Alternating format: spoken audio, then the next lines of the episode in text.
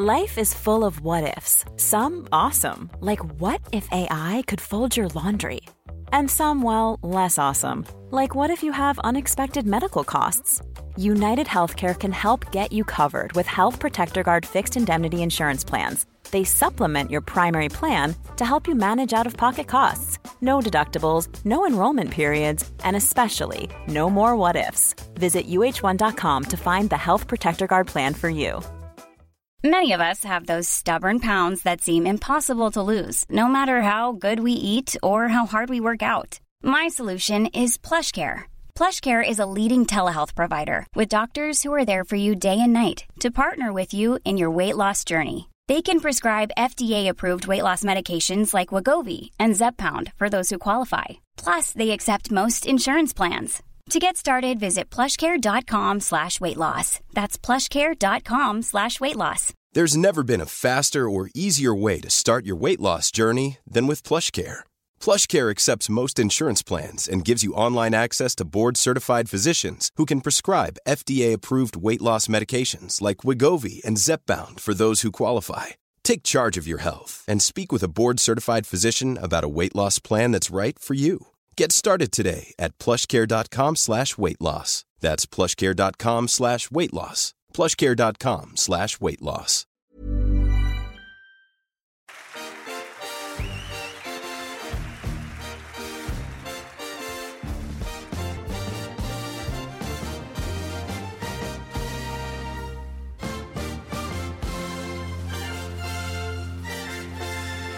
Du lyssnar på Fotboll i fotboll och vi är tillbaka med eh, ett fullt rum den här gången. Eh, Lukas, du är här som vanligt. Jag är här och det ska bli extremt kul att få prata med en av Medelsveriges största personer. Ja, Malik är med mig. Jag är med, ska bli spännande att snacka med Olof och ett nytt avsnitt. Dagens gäst Olof Lund, välkommen. Tack! Ja, kul att ha dig här. Eh, vad sysslade du med innan du var journalist? Eh, då jobbade jag en del i restaurangbranschen och pluggade. Ja. Eh, cyklar du fortfarande överallt? I perioder gör jag ju det, eh, som jag tog cykeln hit. Så att eh, sen ibland när det är lite för bister vinter så kanske jag ställer cykeln. Men jag försöker cykla så mycket jag kan. Ja, för jag hörde det på, nu kommer jag inte ihåg vilken podd det var du pratade om det, men eh, du cyklar så gott som nästan varje dag. Ja, det gör jag. Denna vintern var lite sämre för att det var så jädra dåligt väder, snö och is och så. Och jag är lite mer försiktig med åren. Men jag kom från Lund och där cyklar många och alltid och det har jag tagit med mig till Stockholm så att jag vet att när jag cyklade här i början när jag flyttade till Stockholm tidigt 90-tal då var det inte så många som cyklade som det är idag. Men eh, jag gillar att cykla, det går ofta snabbare. Mm. Brukar du ofta cykla utanför jobbet eller bara till och från jobb? Liksom? Bara till och från jobbet. Alltså jag använder det bara som eh, transportmedel, det är inget träning utan jag jag cyklar för att jag transporterar mig mellan jobb eller vad det nu må vara. Mm. Men det blir träning på köpet? Det ju lite vardagsmotion. Ja, snyggt. Du nämnde att du kom till Stockholm. Trivs du fortfarande med livet i Stockholm? Jag gillar Stockholm. Jag tycker att det är skönt att bo här och jag har hela tiden bott inne i stan. Jag hade mycket vänner som flyttade ut i olika förorter när de fick eh, barn för att de tyckte det var lite enklare. Men jag har hela tiden bott kvar inne i stan och jag gillar det. Mm. Uh, jag tror vi alla vet vilket ditt favoritlag är, men vi ställer den frågan ändå så att Ja, i, i fotbollssammanhang så har jag ju Landskrona och Leeds. Det är väl de som jag följer mest. Ja, jag hörde också att du gillar Philadelphia-lag. Stämmer, jag ju, var ju, bodde i Philadelphia, eller i min familj bodde jag, var ju väldigt lite, men det är, hängde kvar så att i vintras när jag tog lite semester efter VM i Qatar så var jag rätt mycket i Philadelphia och kollade 76ers basket och följde framförallt Eagles hela vägen fram till Super Bowl. Där jag såg eh, två av eh, matcherna på vägen och så såg jag Super Bowl. Ja, jag, jag tänker minskar eh, intresset ifall det går tufft för laget eller ökar det eller är det samma läge hela tiden? Nej, det, jag, jag, kan egentligen inte säga att det handlar om motgångar eller medgångar. Det handlar liksom om eh, Eh, i perioder, eh, jag har ju följt lag nu i Landskrona, jag har följt i 50 år och, och eh, nästan 50 år på Leeds. Och man, det är ju så att man har inte kunnat följa lagen. Det är ju egentligen först på senare år som man har kunnat följa alla matcher och menar, både Leeds och Landskrona har ju faktiskt varit nere i, i respektive lands tredje division. numera sänds varenda match. Men det behöver man ju bara gå 7-8 år tillbaka så gjorde det inte det. Så att eh, då kan man ju inte följa. Och, ja. Mm. Så att det är olika faktorer som spelar in. Vi har haft Mikael Hjelmberg som gäst här och han är också på Leeds ju. Just Har ni det. någonsin kollat match tillsammans? Nej, jag känner inte Micke Jernberg. Jag vet ju väl vem det är. Så att nej, det har jag inte gjort. Och jag... Nej, det är sällan man kollar så ihop med folk. Nej men så som Lukas sa, han var här tidigare och vi nämnde ju också att du var Leeds-fan så han sa det, kanske ska få gå och kolla någon match tillsammans. Ja, nej, är, han är väl, eh, jag gissar att han är som i min ålder eh, för att Ja. det är lite en generationsfråga när jag upptäckte att Mjällby AFs ordförande, eh, om ni ser på Mjällbys eh, eh, dräkter så står det Marching On Together på deras dräkter, Oj, ja. reklamplats. Och det är för att Mjällbys ordförandes eh, företag heter Marching On Together som ju är Leeds eh, eh, kampsång eller eh, hymn som Mm. det heter i Sverige. Den de tågar in till eh, Marching On Together och det heter hans bolag. Så han håller också på Leeds. Ja, där Ja, det är häftigt. Jag hade ingen aning Nej. om det. Nu vet vi det. Dina tankar om eh, Allsvenskan 2023? Nu har det bara gått fyra omgångar men det har hänt mycket både på och utanför plan. Det har det ju verkligen och eh, på något sätt så är det ju lite svårt att eh, eh, Eh, det är ju 16 lag och eh, många olika eh, parametrar. Men det är klart att man fastnar på några storklubbar som är i kris, inte minst Blåvitt och Malmö under Henrik Rydström, fyra raka segrar. Några lag som ändå kanske, nu åkte ju Norrköping på en rejäl smäll, men jag tyckte innan det såg det rätt bra ut från Mm. Norrköping. Värnamo och Mjällby åkte i sig på en smäll, men innan det gjort det bra. Så att Kalmar är väl den stora utropsteckningen utan eh, Rydström och utan Oliver Berg gör det så bra. Jag tycker Rydström har gjort mycket rätt men eh, en sak som han gjorde fel var att spela Penja, tycker du också det? Om det nu är hans beslut eller inte kan man ju diskutera, men jag håller med om att Malmö gjorde fel eh, som spelade Penja. Man förklarade ju så att det är, är, är det som sker utanför omklädningsrummet eh, styr klubben. Sen kan man säga att om Henrik Rydström kan stänga av Martin Olsson för att han kommer för sent, eh, så borde ju Henrik Rydström kunna säga att ja, även fall klubben har gett klartecken till att du kan träna och spela så tycker jag att du har svikit oss i omklädningsrummet indirekt liksom brutit mot våra regler. Därför kommer jag inte att spela dig. Så han hade ju kunnat ta det ställningstagandet trots föreningen. Vi var inne på samma sak där också, att det är först och främst Malmö som har gjort fel här, men det är otroligt moraliskt fel av Rydström att spela i en sån här match. Det är vad vi tycker. Ja, ja, jag tycker nog eh, ansvaret är större på Malmö än på Henrik Mm, Rydström. absolut. Eh, sista snabba frågan här, Janne in eller out? Han får ju köra klart EM-kvalet och eventuellt EM. Eh, sen tror jag att det är dags att byta och det handlar ju inte om bra eller dåliga resultat utan det handlar ju mer om att jag tror kanske att eh, tre mästerskapscykler är max för en förbundskapten. Sen tror jag att man ska byta. Mm. Det, du var ju med om den där situationen som hände där, kan man väl säga. Eh, Du var med på Ja, ju med, presskonferensen vi, efter. vi såg ju det utanför och vi var inte i studion, sker ju ute på plan. Vi stod ju inne i den mixade zonen. Vi såg det och sen så var jag på presskonferens med Janne Mm. efteråt och så. Absolut. Och jag, jag vill säga att du, jag tycker du var en av dem som eh, stod upp bra där efter händelsen. Eh, hur var det att vara med om den där situ- situationen? Ja men det är, det är ju som en, ja, man ställer de frågor man eh, tycker bör ställas. Så att, eh, när man är ju, i jobbet så funderar man inte så mycket hur är det att vara i denna situation utan man bara gör det. Det man reagerade på var ju det som skedde i studion och att man liksom wow. Eh, och därför riggade vi om. Vi brukar ofta inte filma förbundskaptenens presskonferens för det är ofta inte det mest intressanta. Men vi lyfte in vår kamera i presskonferensrummet för att just ställa frågor till Janne om det här. Mm. Jag, jag som var på plats där och, och såg, jag som inte är journalist och såg den här situationen, eh, ja, men reagerade på att det är ju ganska tufft att ställa de frågorna i det tillfället när man vet att han liksom redan är vass och så vidare. Vi diskuterade lite innan, finns det för få eh, modiga journalister? I Sverige skiljer det sig lite från land till land. För jag, jag upplevde att du, precis som John sa, att du var väldigt, liksom, det var inga tvivel på att du skulle ställa de här frågorna. Även om man försökte fokusera på matchen och så vidare. Tycker du att, anser du dig vara en modig journalist om vi börjar där?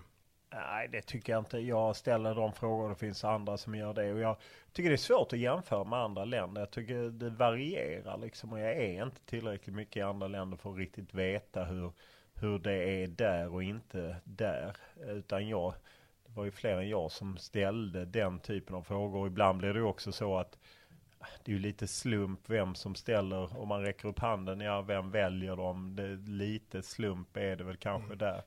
Men det känns på något sätt som att du inte Nej men jag är inte, jag är inte undviker den för, typen nej, av frågor. Jag är inte rädd för att ställa nej, frågor, nej. det är jag inte. Men jag kan inte säga att jag är ensam om, om det. Nej. Och eh, så får man, det får man ju leva med som förbundskapten. Jag tror att om man tar själva studiogrejen i Viaplay så är det lätt att glömma bort tror jag att de, när han kliver in där så har de haft sju landskamper, två segrar, ett kryss och eh, eh, fyra förluster, eller var det fem förluster? Fem mm. förluster mm. Ja, precis. Fem förluster. Eh, så att han har ju fått, och han har ju naturligtvis hört om hur negativa de har varit. Så det, det är väl därför han kommer in. Han är allmänt pressad och eh, tycker väl att Viaplay har varit ovanligt hårda mot honom. Och det har de ju varit mest beroende på att det har gått så dåligt. De hade ju bara en vinst innan eh, eh den här matchen mot Azerbajdzjan. Det var Slovenien i början på juni, deras första landskamp. Sen har de liksom haft idel förluster. Och det är lätt att glömma bort att det sätter sig hela tiden. Eh, för jag vet, eh, ja, det är ju inte så att andra tv-bolag, det är ju både vi på Simor och innan dess Discovery som har haft eh, Janne Anderssons landslag. Ja men det blev inte så mycket negativt för att Discovery tog hela vägen när de gick till Rysslands VM. Det fanns ju inte så mycket att kritisera då.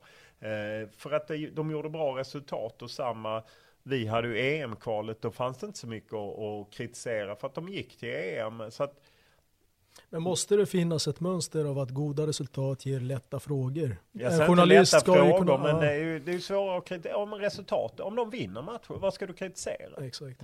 Eh, vad, vad, ska du då gå nu, på? Nu fann de ju ändå någonting och, och de vann ju med 5-0. Ja. Det fanns ju ändå lite Men han, han gick också in med en sån bild där han liksom målade upp de här träningsmatcherna och januariturnén som att ja men jag har vunnit 4 av 5 eller vad han Ja men de börjar ju, och den som har jobbat mycket med Janne Andersson Eh, känner ju direkt att när Janne svarar så till Niklas Gide så känner man ju direkt, herregud han är jävligt irriterad. Mm. Eh, uppenbarligen kände de inte det i Viaplay-studion. Eh, utan de körde på. Sen hade ju Brian George en fullt relevant fråga. Jag tror att det var en fråga som många ställde sig hemma i tv-sofforna. Wow, vilket frisparksmål av Jesper Karlsson. Varför har inte han fått mer mm. speltid? Mm. Och då, så att det var relevant. Sen kanske inte alla som hade ställt den frågan hade gett sig in i det bråket som det blir mellan Bojan och Janne. Alltså de eldar ju på varandra så att säga. Ja, verkligen. Eh, har du haft någon idol inom journalistiken sett eh, under din karriär?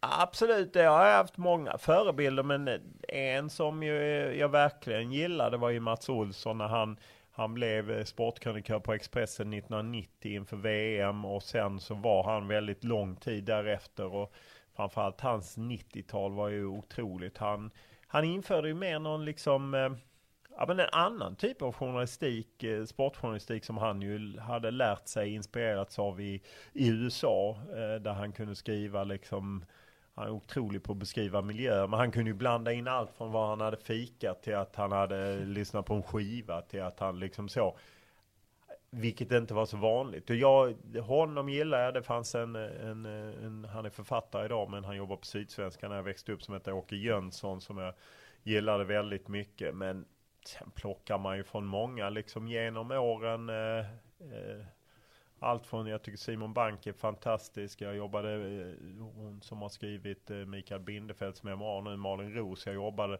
några år på 2000-talet med henne på Expressen. Hon var jätte ja, men skrev bra, skrev med en bra liksom knorr. Så att det finns flera. Du, eh, du sysslar med väldigt mycket olika saker. Eh, bland annat skriver böcker, tv-program. Eh, du är expert i Simor. Ja, jag brukar i och för sig få titeln krönikör på Fotbollskanalen okay. snarare än expert. Expert brukar man ofta eller det är i varje fall vanligare att man kallar liksom experter de som är gamla spelare och ledare. Ja, ja. Men eh, vilket av alla de här jobben är din personliga favorit? Eh, jag gillar ju egentligen alla, alltså det finns ju plus och minus med alla och jag, det, den stora förmånen med mitt jobb är ju att jag får göra väldigt mycket liksom från ja, men, skriva böcker till att vara med i tv till att göra podcastintervjuer och jag kan ju tycka att ibland när jag har gjort en bra intervju, jag är väldigt nöjd med en intervju i podcast så är det härligt. Men jag kan också tycka att det är härligt som gammal eh, tidningsskribent eh, när jag, jag skriver krönikor i Dagens Industri varannan fredag, att när man ser den sidan, att det är något speciellt med den papperssidan. Så att ja, jag tror eh, det, den stora fördelen är framförallt att jag får göra mycket.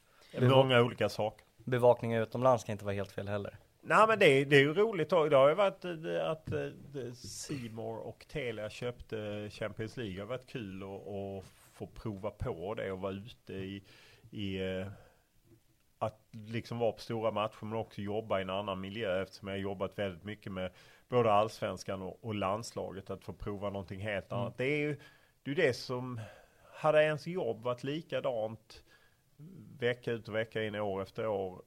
Ja, då hade det varit svårt för mig. En del kanske gillar det, men jag tror nog ändå att de flesta gillar att de vill ha liksom utmaningar, man får något nytt, man får prova något nytt, man eh, liksom så. Och det, det har jag haft en himla tur med jobbet, att jag fått göra massa olika saker och då få prova på i olika miljöer. Ett starkt minne jag har, har av dig i tv-rutan, det var Club Calcio. Ja, fast det, där har inte jag varit med. Var det inte det? Nej. Då, så om det är ett starkt minne så är Jag är det, rätt säker på att du varit med där. Nej, Club Calcio var Simon Bank, Martin Ahlström, Birro Husfeldt framförallt. Eh, jag har aldrig varit med i Club Calcio. Men det var verkligen charmigt för ni satt och käkade kebab och... Nej men det är super live, du blandar ihop. Det, det jag fattar att det i och för sig inte är helt lätt att hålla koll på. Det är många Olof-program här. Ja, ja precis. Nej men super live var det. Det var med Husfeldt och Ekvall och Pontus Kåmark. Vi satt och följde. Vi hade då Europa League, eller början av Europa League och vi körde mål, eh, ja, men precis. målsvep och så satt vi och pratade. Det käkade vi kebab och sen så kom det tillbaka i en annan form där det var Jesper Husfeldt, jag, Hasse Backe någon säsong och sen året efter var det jag, Jesper Husfeldt, eh, Emelie Öland och Henrik Rydström eller John Alvbåge som också körde kring. Men vi käkade inte så mycket kebab. Utan Nej, men det var mer att det var målgrejer. Nej, jag fattar, jag fattar. Ett minne jag har av dig, ett av mina första var ju Ekvall vs Lund. Ja, just det. Och på den tiden kändes det som att du och Ekvall var ett, ett litet radarpar, ett mediapar, lite som Filip och Fredrik och sådär. Vad hände där? Alltså, hur kände, det kändes som att du flög vidare och han på något sätt jag vet ja, inte om han stannade hände... av, men han, han, fortsatte inte riktigt i din takt kändes det som. Ja, men det som hände, och det var ju, tyckte jag var tråkigt, men eh, det som hände var ju att eh, TV4 bestämde sig för att inte förlänga hans kontrakt efter 2016. Jag är ju anställd, men han hade ju eh, nya avtal liksom han skrev på två eller fyra år. Och 2016 så bestämde man sig för att inte förlänga hans kontrakt och efter det då eh, ja. Det, det, fanns ett litet gnabb mellan er, det var lite sådär, ja, vi, alltså fast, positivt. Ja, jag tänker så här, de här, när ni träffar Rosenberg och, ja. och Ivo Pekalski och de här. Ja, precis. Ja. men vi, vi gjorde ju Ekvall vs Lund i olika konstellationer från början var det bara han och jag. Mm. Kan man egentligen säga en slags förtida podd, bara det att vi filmade den mm. eh, tidigt eh, 2007 tror jag vi började med det när jag hade, jag började ju med TV4 och Fotbollskanalen 2006. Eh, och 2007 gjorde vi det och sen så började vi ta in gäster i studio och sen reste vi ju några år då just vi träffade Max Rosenberg och många andra mm. på plats. Roy Hodgson gjorde vi i England och, och mm. liknande. Mm. så att, eh, nej men och vi gjorde ju massa grejer ihop fram till 2016 när han slutade. Mm. Du har ju klamrat dig fast i media, du har på något sätt eh, synts ganska länge. Eh, och det, blir ju, det känns som att det inte har avtagit på senaste åren. Hur tror du att du har blivit så stor, alltså inom fotbollssverige? Vad, vad beror det på? Det är ju om jag är stor eller inte får ju på något sätt andra bedöma. De flesta man frågar Olof Lund känner, känner ju dig. Ja, ja nej, men så, det är ju mycket möjligt. Men det, det, jag har ju på något sätt eh, ihop med kollegor och liknande bevakat eh, svensk fotboll och eh, Eh, på massa olika sätt och med åren kanske hamnat mer utanför planen än vi eh, på planen och att eh, jag tror att böckerna har bidragit till det. Jag har ju skrivit egentligen fyra böcker varav tre, eller fem böcker har jag skrivit men en är ju mer eh, lite andra grejer medans de tre första böckerna handlar ju liksom om svensk fotboll. Den ena rätt brett, den andra om herrallsvenskan och tredje om landslaget. Och att jag tror att det kanske bidragit till plus att jag har eh, ja, skildrat eh, saker som sker utanför planen. Allt från jag och min kollega Martin Pettersson har ju granskat eh, ja, men ordförandevalet skrev vi mycket om. Vi skrev mycket om ordförandevalet i svensk elitfotboll 2021. Och att vi, många olika sådana saker har väl gjort att eh, det kanske blivit så. Det känns som att du är väldigt påläst. Eh, lägger du ner mycket tid på, på din research? Jag är ju intresserad av den här världen och har varit det länge och då har det på något sätt eh, många saker fastnat. Och det är jag tror att det är för mig en grund. Alltså det, det, kan väl alla gå tillbaka till att om man pluggade för ett ämne, ett prov i ett ämne som man inte var sådär jätteintresserad så kunde man ju kanske slå in den kunskapen på kort tid. Men någon vecka senare så hade man väl glömt det mesta.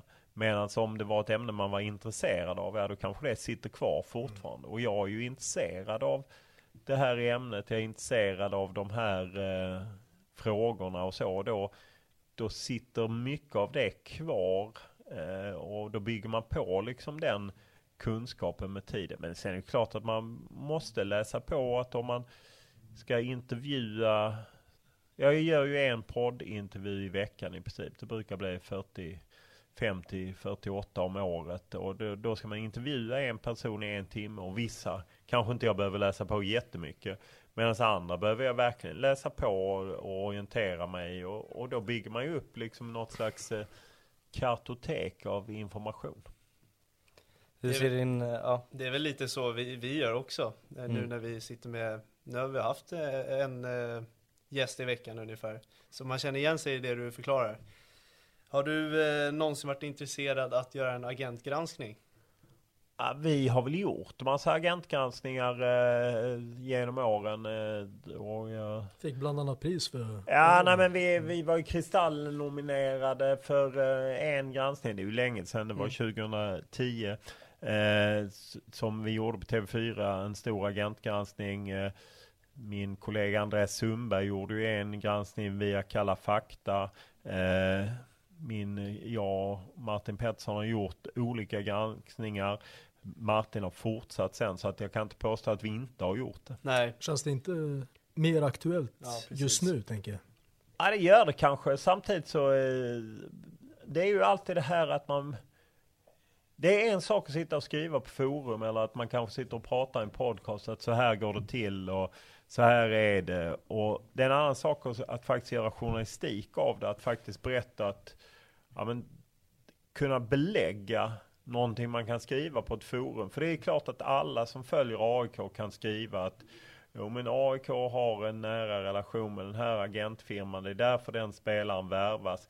Ja, det kan man ju skriva för att det behöver man inte stå för. Ska du skriva det i en tidning eller i media eller rapportera det.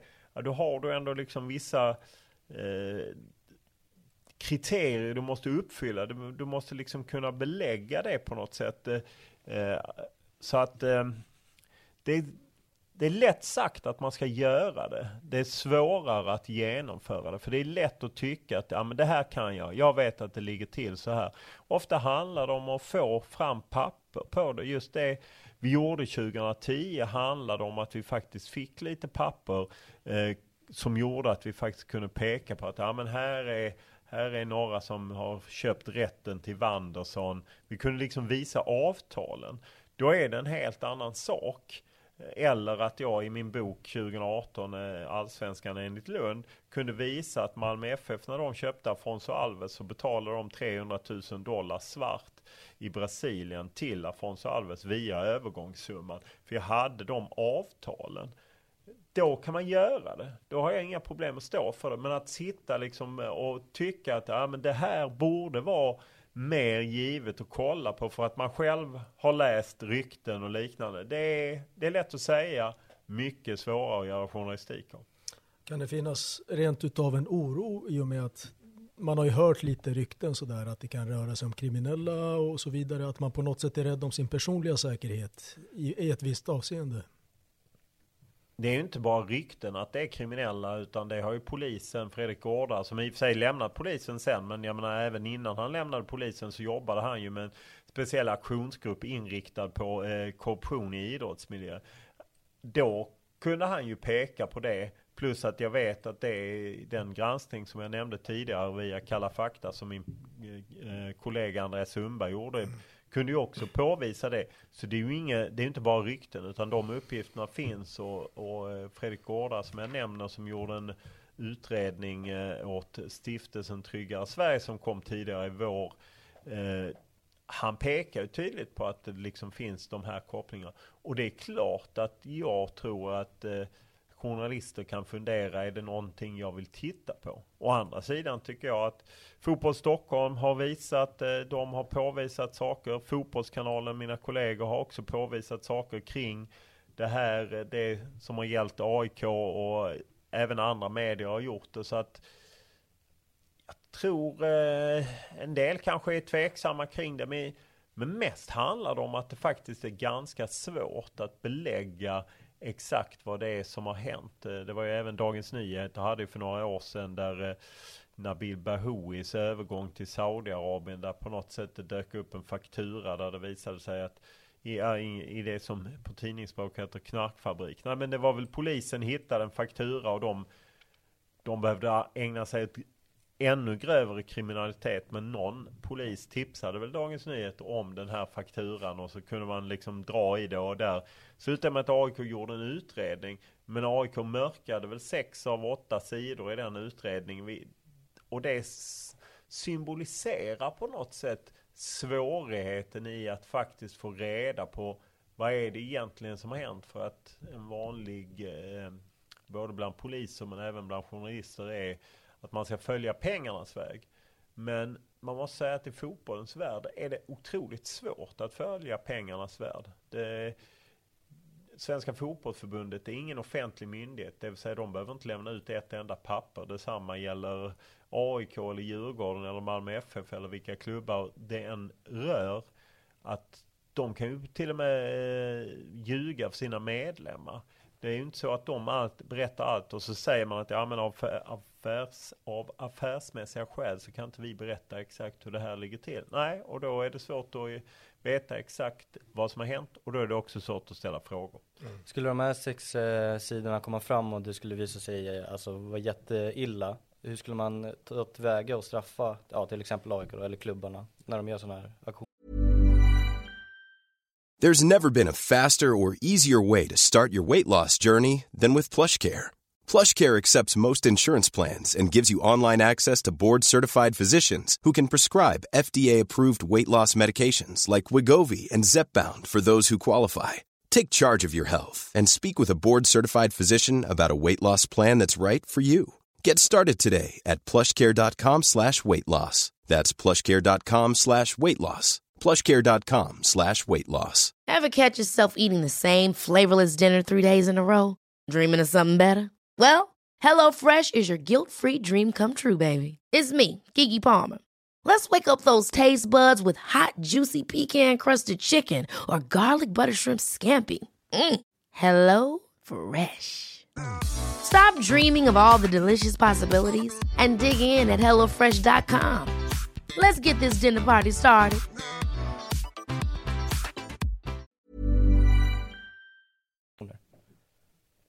För det första måste man ju i så fall veta vad en klubb har gjort för fel och om de har brutit mot något regelverk. Eh, eh, vi har vi, eh, de kan ju bli bötfällda. Räcker det då? Men ja, alltså det, det är ju upp till medlemmarna i svensk fotboll att bestämma sig, räcker det? Det är ju de som på något sätt äger den eller om, de, om man då går högre upp i Uefa och Fifa om det är regelverk. Men jag menar både IFK Göteborg och AIK blev bötfällda 200-300 000 när de sålde, det var Benjamin Nygren som såldes och eh, Alexander Isak för att man gjorde affärer kring minderåriga. Om det räcker, det är, ja, det är liksom upp till medlemmarna i, i fotbollens värld att bestämma och sen så får ju myndigheterna titta på om man har brutit mot några lagar eller något sånt. Det är svårt att veta liksom, att spekulera fritt kring vad som fanns på de sidor som mörkades vet man ju inte. Ja, visst är det så. Har du, har du någon gång blivit eh, stoppad eller avrekommenderad eh, av din arbetsgivare att ha vissa åsikter eller kritisera vissa länder eller personer? Eller, har, har det hänt någon gång? Aldrig. Eh, överlag rätt lite synpunkter från mina chefer. Eh, eh snarare, jag har upplevt det, jag kan inte säga att jag reflekterar så mycket på det på Expressen, men jag Eh, nu har jag varit snart 17 år på TV4 och jag har alltid bara upplevt ett stöd eh, när folk har varit arga oavsett om det har varit fotbollförbundets ordförande eller generalsekreterare eller Zlatan eller vem det nu må vara så har jag bara upplevt ett, ett stöd eh, att mina arbetsgivare tyckt att det har varit bra med journalistik. Hur är din relation med Zlatan? Jag skulle säga att det är en icke-relation och har nog egentligen alltid varit. Jag har aldrig varit aldrig varit liksom nära honom. Eh, en kort tid har jag haft hans nummer och det var för 22 år sedan. Då hade nog fler journalister det. Eh, och sen har jag aldrig liksom varit så nära honom som en del journalister var i början i, i, i Sverige. Det har han inte haft. Jag skulle säga att han inte haft någon nära relation med svenska journalister på 15 år. Eh, och med de senaste gångerna jag har träffat honom så har han svarat på frågor och så, så att jag, jag kan varken eller liksom. Vi har ju haft eh, ganska många frågor om Zlatan till dig. Eh, väldigt intressant tydligen. Eh, fick in framförallt en fråga som vi valde att ställa upp här och det, du ställer ju en del, om vi tar de här frågorna om typ Dressman eller vad han ska göra utanför fotbollen och eh, sånt som inte rör fotbollen. Vad, vad vill du få ut av sådana frågor? Ja, jag vet inte, alltså har ni fått det av en lyssnare? Nej, ja precis, alltså det här med ja. Att, då, eh, då, de tänker främst på det här med Dressman Ja, nej, men då rekommenderar, då rekommenderar jag att eh, den som ställt den frågan kollar på hela den presskonferensen mm. istället för att bara ta det klippet. Eh, för om man orkar antingen läsa min bok eller, för där redogör jag för det. Vilken av dem? Ja men det är 2015 i september. Det är den första, vad jag pratar om när jag pratar om fotboll. Där redogör jag för det, eller så letar man upp hela presskonferensen. För där sitter han långt och läng, lång, länge och väl och pratar med Johan Esk på DN om hur ska jag göra efter min karriär? Jag vet precis när jag ska sluta. Det är bara jävla bog, jävla skitsnack det här om att eh, fråga. Han svarar på tusen frågor om det som eh, rör utanför plan. Det är ju inget som stör honom. Du vet honom. ju hur dagens generation är. Det är mycket klick, det är de här ja, korta nej, klippen. Det, det, Förmodligen har ju den här personen snappat upp ja, svaret då som var ja, ganska nej, syrligt mot dig. Och det hänger ju bara ihop med det hänger ju bara ihop med att jag hade skrivit en krönika i Café om att eh, både vi journalister och eh, de som jobbade på förbundet betedde oss ungefär som man beter sig kring det svenska hovet. Och det vet jag att Zlatan och de som jobbade med hans parfym var jävligt irriterade att liksom det kom en stor artikel. Han släppte precis sin parfym då. Och jag ställer egentligen helt oskyldiga frågor. Hur, hur viktigt är det? Jag nämner inte Dressman utan det är han som tar upp Dressman. Eh, mm. Har du förståelse för att sådana här frågor irriterar honom? Har du förståelse? Nej men han var ju inte irriterad på frågan, det är ju det jag säger. Han var irriterad på min krönika som hade kommit tre veckor tidigare. Mm. Det var inte frågan. Det, det, folk tror ju att det är frågan. Mm. Eh, men då har man inte orkat eh, och ja, det är åtta år sedan. Och orkar man inte sätta sig in i det så, ja. Du gick ju inte särskilt hårt ut mot Zlatan när han stod upp eh, för Qatar här, när han betygsatte dem. Nej, jag fick inte ställa några frågor av hon som var ny presschef, så ja. det var mm. inte så konstigt. Jag läste bland annat din krönika på Fotbollskanalen där om... om Aha, okej, okay, du menar, ja men ja. jag tycker inte... Va, va, kan det vara så att Zlatans offensiva försvar mot dig som person har fått dig att bli lite försiktig kring ditt granskande av honom? Nej, eh, jag bara tycker att det för mig hade det varit oerhört märkligt om han i mars, några månader efter att han hade varit gäst i Qatar och varit anställd av Qatar i flera år. Skulle varit otroligt märkligt för mig om han plötsligt stod upp för migrantarbetares rättigheter eller något liknande. Ja, däremot kan jag säga att jag missbedömde lite hur stort det skulle bli kring eh, att han satte 10 poäng. För för mig var det helt givet att han skulle eh, och lite som jag sa i, i Nyhetsmorgon när jag var med eh, och pratade om det här att den stora grejen är ju inte att han är en diktaturkramare. Det är ju faktiskt att vi är det. Att alla vi säljer, Sverige som nation säljer massa grejer till Qatar. Vi handlar för fullt. Vi öppnar en ambassad där 2014 för att vi ska handla mer med Qatar. Vi är ju diktaturkramar. Det är väl större än att Zlatan är det, kan jag tycka. Och på samma sätt, det är så lätt att gå åt Zlatan eller Henrik Stensson och vi vill liksom på något sätt ner med dem i, i en grop och kasta sten på dem, för det är för jävligt att de gör det. Men att vi själva gör det, det tycker jag är intressantare. Men äh, det är inte så att jag är liksom äh, Alltså för mig har det aldrig funnits en rädsla kring Zlatan för att jag har ingen relation med Zlatan. Jag får inga hem hos intervjuer Zlatan. Det har jag aldrig fått. Och det får ju ingen. Alltså den där, de som tror att man inte ställer frågor till Zlatan för att man är rädd för att man inte ska få någon access. Det är ingen som får någon access. Jag får varken mer eller mindre. Mm. Nu är han eh, med landslaget ibland och ställer man frågor. Nu senast så fick jag, nu gjorde jag en intervju efteråt om där jag kunde ställa några frågor. Men innan dess på själva presskonferensen, det är lite det jag säger, det är lite slump. Nu var det ju Per Boman som ställde frågorna om Qatar. Jag satt direkt upp handen, fick inte ställa någon fråga. Kan det bero på att det är du som... Nej, det tror jag inte. Jag tror att hon, hon är Petra Thorén som är ny presschef. hon säger att hon inte såg att jag räckte upp handen. Jag vet inte. Mm. Kändes det verkligen så eller?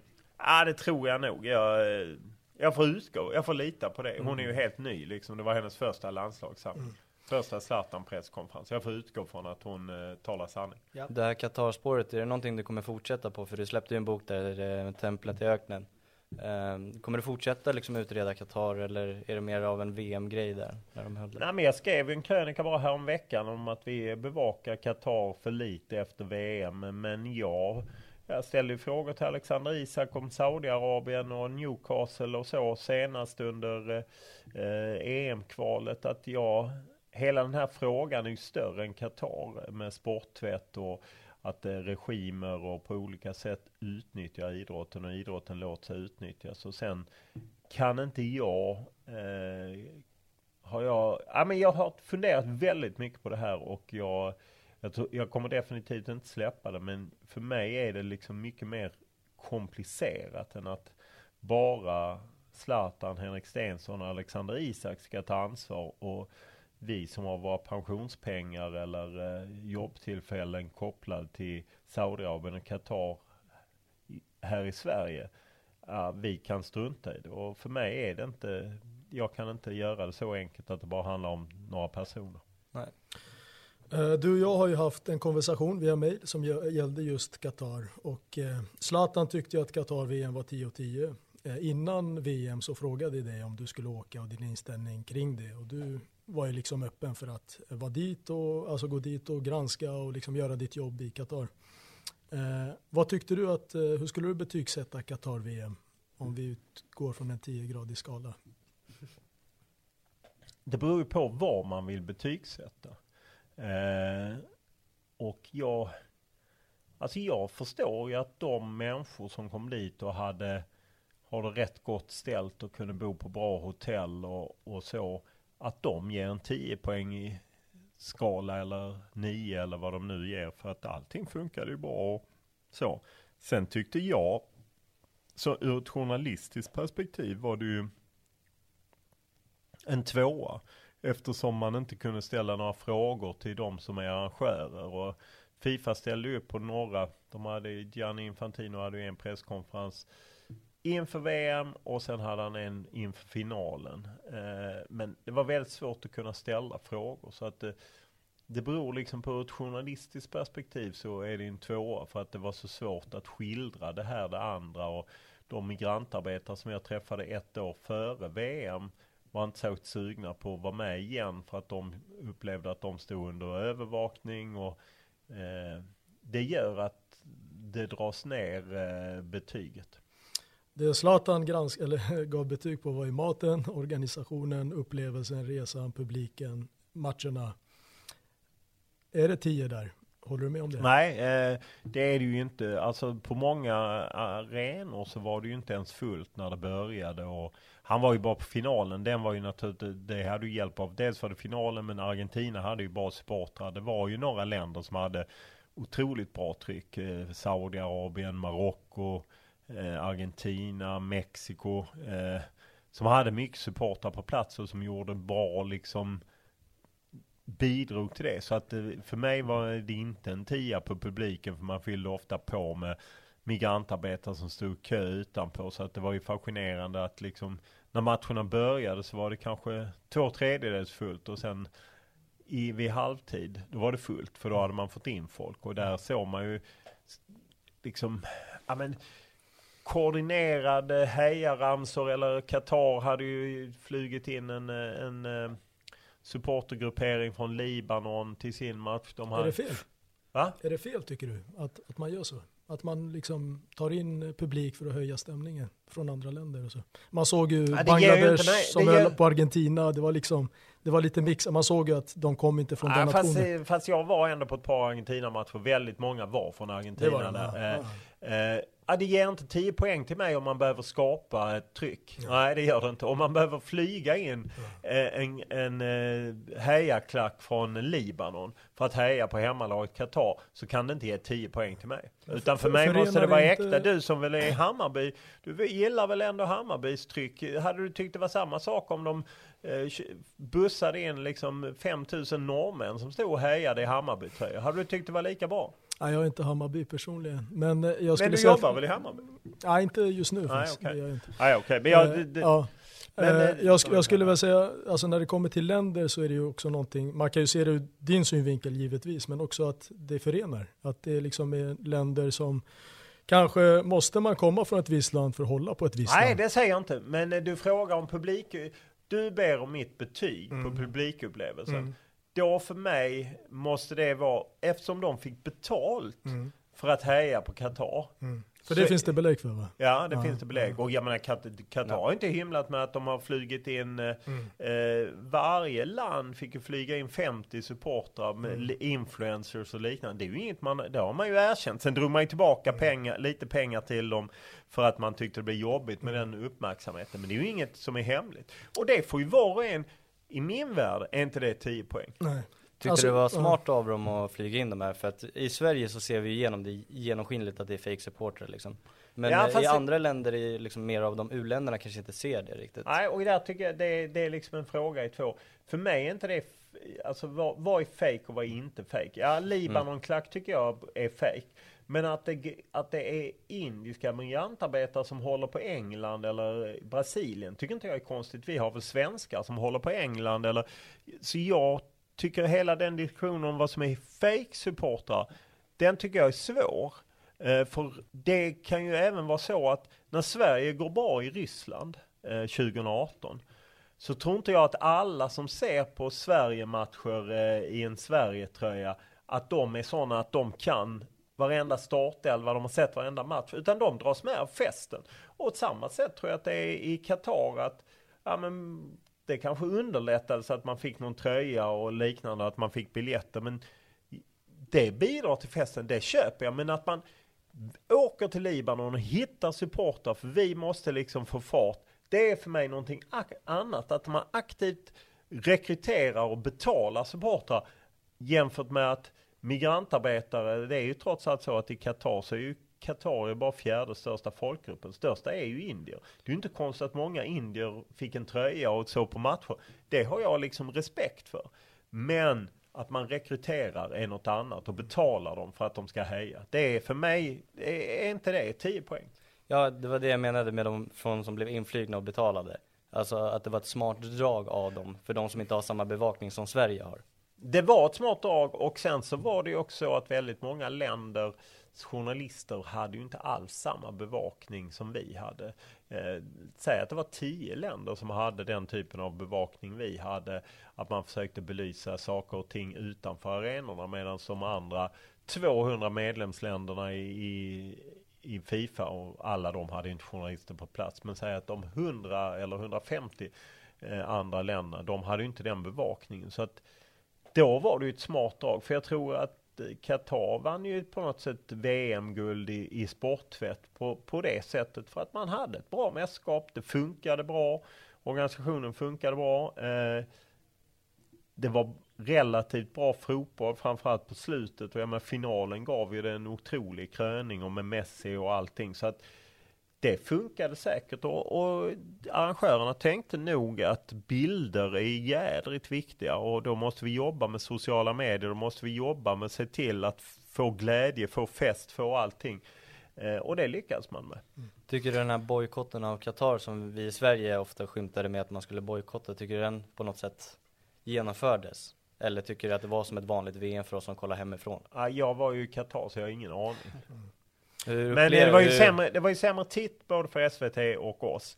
Men det är ju kanske inte så konstigt därför att det gick ju matcher eh, mitt på vardagar klockan 11 och klockan 1 på en måndag i november. Ja, det är ju inte konstigt att det är färre tittare än vad det är på sommaren. Så att vad är vad? Det är ju svårt att veta. Det var fruktansvärt i mitt tycke. Absolut. Det var inte alls samma känsla. Nej, men å andra sidan då också får ju ni kliva ur er roll som europeer och inse att det här är ett globalt mästerskap och halva jordklotet har ju alltid vinter då under ett fotbolls-VM. Ska de alltid? Eh, Självklart, Så, så att det. eh, den typen, och det kan jag säga att det är det nyttigaste med liksom VM i Qatar, att man får andra perspektiv. Och jag gillar inte alla hot jag fick liksom av folk som tyckte att eh, jag på olika sätt eh, belyste saker eh, kring det. Men däremot var det nyttigt med alla perspektiv man fick. Att Mm. man ser, vi ser det. Och jag håller ju inte med Gianni Infantino om att fotbollen förenar. För var det väldigt tydligt för mig så var det att den inte förenar. Utan man har så otroligt olika syn på fotbollen och dess funktion och vad den gör. Och, ja. Det jag tyckte var, Ja, en sista bara, det sista jag, eh, är att det var otroligt tråkigt med det här VMet Framförallt är politiken som inblandades hela tiden Men Jag hur ska du väldigt- hålla ute den? Ja det är absolut, det är en jättesvår fråga att göra det Men det var alltid så här när man tar en match när det var liksom Iran som spelade var det alltid mycket att man belyste liksom krig och så här liksom Jag Det är, gick ut över jag som älskar, exakt, jag som Men fick älskar du, inte fotboll se och hela, fotboll fick du inte se matchen? Jo absolut, vill du veta om men jag, spelarna jag vill kanske? liksom på något Eller? sätt Ja, försöka men det fick lägga du, det ju- lite åt du fick ju sidan 90 minuter och vi, jag kan säga vi, vi hade inte, nu tror jag inte i och för sig vi hade, hade vi några Iran-matcher? Nej, jag undrar det. Men vi pratade ju med Iran och det är klart att det, allt det som skedde på läktaren, det, det, det tycker jag var man är tvungen att, att skildra. Eh, och eh, Men du måste hålla med om att det var väldigt mycket politik. nej, jag håller inte med, jag Du tycker det var för inte med. lite politik. Du tyckte det var för... Ja. ja. Eh, du har ju som sagt en stor roll i fotbollssverige och det blir ju så att man på något sätt blir en opinionsbildare. Håller du med om det? I viss mån, ja, eh, håller jag med om det och att det är klart att jag Eh, att det finns någon slags position där jag eh, har eh, tankar, åsikter och, och liknande och att man får ha respekt för att journalistik eh, via olika plattformar eh, oavsett om man jobbar på Aftonbladet eller Expressen eller TV4 eller Fotbollskanalen, så har man ju en plattform där man på något sätt försöker berätta någonting men också kanske ger uttryck för åsikter och att det påverkar folk. Ja, det förstår jag absolut. Och det är intressant att du lyfter att du nämner att, att man har fått fler perspektiv efter att ha varit på plats. Du nämner det nu. Eh, jag Ja, som- det har jag nämnt tidigare också. Det har du säkert gjort. Eh, och jag som, som var i Algeriet, jag härstammar därifrån, bor där och är väldigt insatt i hur mästerskapet där och väldigt många länder beskrivs som en toppsuccé. De håller ju med Zlatan. Eh, är det så? Är det då för att, kan jag bara för mig Ja, är absolut, det du inte, inte Ja. konstigt att Ja. man, ja men det är klart att det fanns en stolthet, det första arablandet, Ja. eh, Mellanöstern, Mm. allt det. Det förstår jag också att Mm. det finns en stolthet kring det, men för mig tar inte det ifrån att jag måste visa Det har du rätt baksidorna. Absolut. Jag kan inte, Ja. jag kan inte bara ta, ja okej, de älskade VM i Algeriet. Okej, då lägger jag ner, jag berättar Ja, inte om migrantarbete, jag berättar inte om någonting negativt. För att i Algeriet och Marocko och i Saudiarabien, de älskade VM. Det behövs, ditt, ditt sätt behövs och det är det jag menar. Min, min fråga är lite mer om att i och med att du har så pass stor roll inom fotbollssverige och som du höll med om har till viss del en opinionsbildande roll. Kan det bli så att bilden av Sverige inte riktigt hänger ihop med omvärlden? Alltså he, helheten blir förvinklad åt ditt håll i Sverige?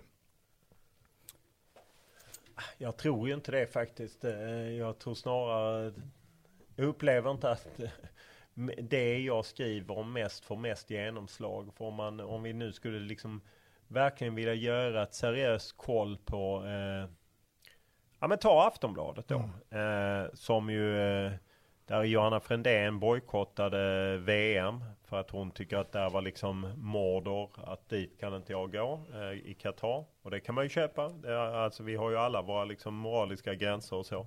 Och jag menar, Marcus Leifby skrev ju väldigt negativt om, om Qatar och skrev ju också lite negativt om oss och hur vi dåliga vi var och så. Det får man ju ta också. Mm. Men då, det är ju ingen som problematiserar att eh, Aftonbladet på andra sidan året visar först den spanska supercupen. Ja, var spelades den? Mm. Vet ni det? Ja det var, fan det var, var det Saudi? Ja, ja precis. Det var det. Och var spelades den italienska mm. supercupen som visades av Aftonbladet? Var spelades den? Ja den spelades också där. Riyadh också. Och, och, och liksom de drog stort på en boxningsmatch mellan eh, Youtubern Paul Logan och eh, Tommy Fury, det ja, vill säga exakt. Tyson Furys brorsa. Alltså några B-figurer. De drog mer på det än vad de drog på att Badou Jack, svensk världsmästare, skulle upp och slåss om titeln. Också i Riyadh. Mm. Alltså, ja, så jag kan tyvärr för din eh, mm. besvikelse säga mm. att mitt perspektiv dominerar verkligen inte. inte utan eh, perspektivet är snarare att nu är det business as usual. Nu kan Aftonbladet, de som i december eh, bojkottade och kritiserade och hade sig. Två månader senare pumpar de ut mm. att du kan se fotboll från Riyadh. Mm. Eh, och inget problematiserande. Mm. Ingenting om att liksom Saudi, vad är det? Så att Nej, jag, jag är ledsen att det perspektivet finns inte. Du åkte ju personligen till Qatar och bevakade mästerskapet. Eh, kändes det någon gång fel att du personligen skulle åka dit? Eller var det ett givet beslut? Det var ett givet beslut. Det kändes aldrig fel. Eh, de hotellen och så du bodde i, kan det, alltså byggdes de av migrations, eh, migrantarbetare. Äh, migrantarbetare förlåt. Ja, det var så otroligt. Fann, fanns det en sån liksom tanke också i, i eh, alltså maten man äter, upplevelsen, faciliteterna som finns på plats, att du på något Jag sätt... åkte inte Qatar Airways om det hjälper dig eh, dit, eh, men och hotellet var så gammalt och slitet.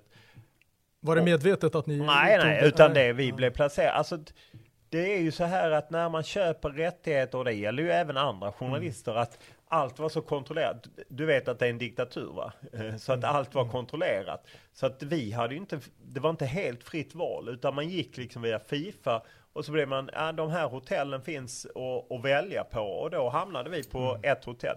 Men visst, vi är ju en del av, av, blir ju en del av hela maskineriet. Mm. Vi visade ju festen, vi visade ju VM-finalen. Mm. Eh, skulle vi gjort det, skulle vi inte gjort det? Ja, det, det, det kan man ju diskutera. Mm. Jag tycker att man ska visa det för att det är en så, så pass stor nyhetshändelse mm. och det vore konstigt. Men jag tror att diskussionen kanske kommer vara lite mer levande framöver om till exempel Saudiarabien tar VM 2030 eller 2034 så tror jag att det kommer vara lite mer av en diskussion. Men jag tror å andra sidan inte Fifa kommer få svårt att sälja ett VM i Saudiarabien heller. Mm. Det som stör mig är att VM är över och på så vis också de många reportagen om gästarbetare. Du nämner ju själv här i podden att du tycker att det var för lite politik. Mänskliga rättigheterna med, med mera. Alltså det, jag har inte hört så jättemånga, jag vet inte om ni har gjort det, efter VM nu. Rampljuset är över på så vis granskningen. Håller du med om det? Läser du mig? Jag läser det Läste du häromveckan? Jag läser inte allt du skriver. Nej, men, det, men, jag läser mycket. Hade, men, hade, men nu, nu snackar jag inte personligen om dig Olof, utan nej, nej, alltså media överlag helhetsmässigt. Ja, VM-rapporteringen är ju betydligt, alltså alla de här Eh, vad ska man säga, mänskliga över, eh, alltså, övergreppen sker ju fortfarande. Varför jag frågade om du läste mig var ju för att jag bara häromveckan skrev en krönika på just, där jag svarade på mm, den frågan. Mm. Att det, det, bevakas för mycket. Ungefär som att, hur är det till exempel med Ukraina-kriget? Är det lika mycket svenska journalister i Ukraina nu som det var för ett mm. år sedan? Nej, nej, nej det är det inte. Är det inte.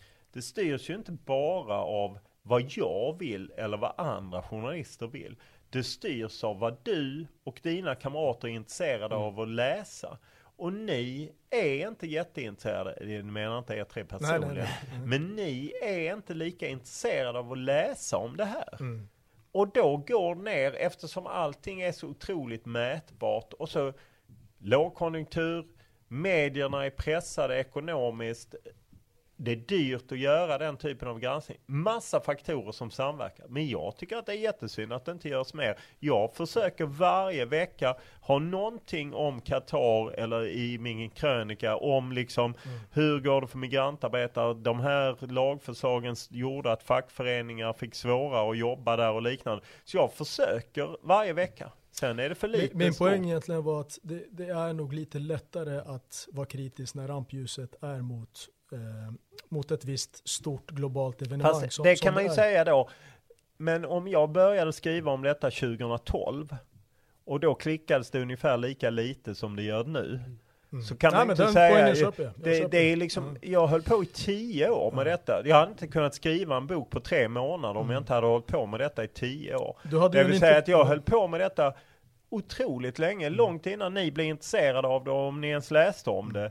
Eh, så att jag, jag mm. ja. Uh, du hade en intervju med Nasser Al-Khatter uh, och du nämner ju också att uh, det kan, kunde ha funnits vissa konsekvenser utav det, alltså för dig och din säkerhet och så vidare. Hade du vågat ha den intervjun idag?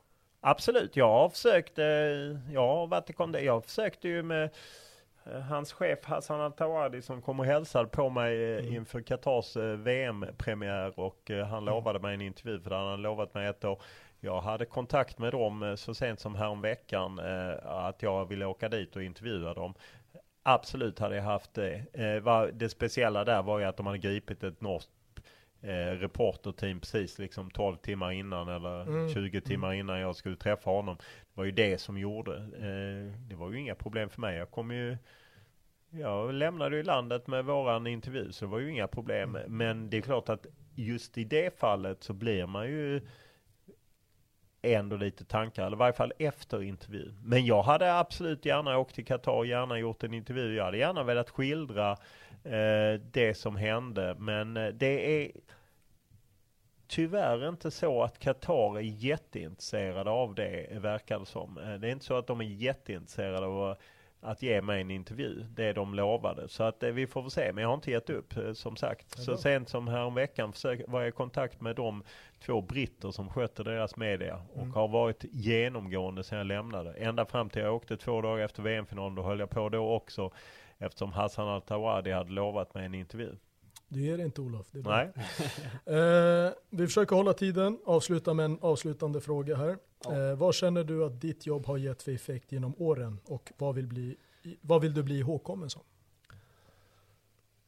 Eh, ah, jag har inga ambitioner att bli ihågkommen på något sätt. Däremot så kan jag, en sak som jag eh, som jag på något sätt vill att mitt jobb ska symbolisera och, så, och en sak som jag är, är stolt över är Eh, I min första bok vad jag pratar om när jag pratar om fotboll så skrev jag om lilla Åsebro som, eh, från Dalsland som var Sebastian Erikssons moderklubb och han hade spelat i IFK Göteborg och han eh, var på väg att säljas till Cagliari och då drog han korsbandet och ingen trodde att det skulle bli någon affär.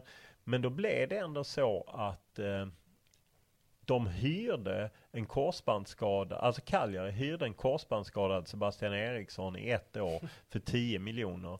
Sen när eh, eh, den hyrestiden hade gått ut och han var frisk, då köpte man honom för 5 miljoner. Och då så sa IFK Göteborg till Åsebro att eh, eh vi fick 5 miljoner, ni har rätt till 10 procent, ni får 500 000. Och de tyckte detta var konstigt och de hade jobbat i fem år kring den här affären när den här personen ringde mig från eh, eh, Åsebro och berättade det och jag tog med det i min bok och 30 dagar senare så hade eh, IFK Göteborg erkänt att det inte gick rätt till och att de skulle betala en miljon kronor till till Åsebro. Och det, Dels är jag jävligt stolt över att jag faktiskt hjälpte en liten klubb som i fem år hade via Fotbollförbundet och Riksidrottsförbundet försökt komma åt IFK Göteborg och inte hade gjort det. Och sen så vill jag också att det symboliserar, det vill säga att man hjälper kanske en liten svagare aktör i kampen mot en stark aktör. Fint. Bra svar, ja, bra svar. Verkligen. Olof Lund, vi tackar dig så enormt mycket för din medverkan i Fotboll i fotboll. Verkligen, stort tack, tack för att du tack, tog dig tid. Tack. Ha det bra och lycka till. Tack. Och Samma. tack till alla er som eh, lyssnar på det här avsnittet. Se till att klicka på klocka och följa oss på alla sociala medier så att ni hänger med i svängarna. Precis, glöm aldrig bort det. Nej. Vad är klicka på klocka? Eh, notiser på Spotify. Ja, ja okej. Ja. Är det där man... eh, Så är de det får, bra de alltså? får meddelande så fort avsnittet pumpas ut. Ja, ja, okej. Som är med i svängarna. Ja, ja, härligt. Jag får ta med dig till Lunds podcast. ska du avsluta Ja, ja, får jag eh, sno direkt? Ja, ja, den hjälper gott. Vi ska hälsa Micke att du är på och kolla match med honom framöver Ja, ja, vi får se om det kan bli något med Micke Jernberg, en Leeds-match. Sen kommer jag aldrig glömma att eh, jag har blandat ihop och Nej, det var där. skakande. Är det någonting folk Jag måste- förknippar mig med så är det nog inte Jag att jag måste- gillar italiensk fotboll. Du måste ha gästat någon gång. Nej, aldrig. Nej, det känns lite som eh, när du intervjuade Tern där, jag kommer du ihåg det? På någon eh, januari-turné. Missförståndet. Nej, det kommer jag inte ihåg. Vad var det? Nej, det är jättelänge sedan. Nej, men det var någonting med att du sa att eh, ja, det är din första landskamp här och han bara I nej, det är min och- andra. Men Ja. i Qatar, ja du kommer inte ens ihåg det? Nej, det är 2012 i så fall. Ja. Så att eh, det är 11 år sedan. Jag vill dra en liten jämförelse med min miss och Ah, okej. den intervjun. Ja, ja, men, Men det är ett minne. 1-1. Ja, snyggt. Tack och ha det bra allihopa. Tack för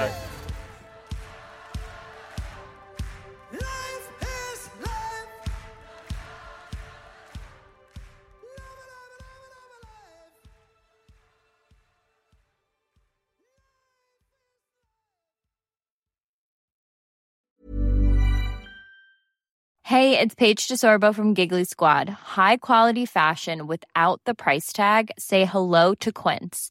I'm snagging high-end essentials like cozy cashmere sweaters, sleek leather jackets, fine jewelry, and so much more. With Quince being 50 to 80% less than similar brands.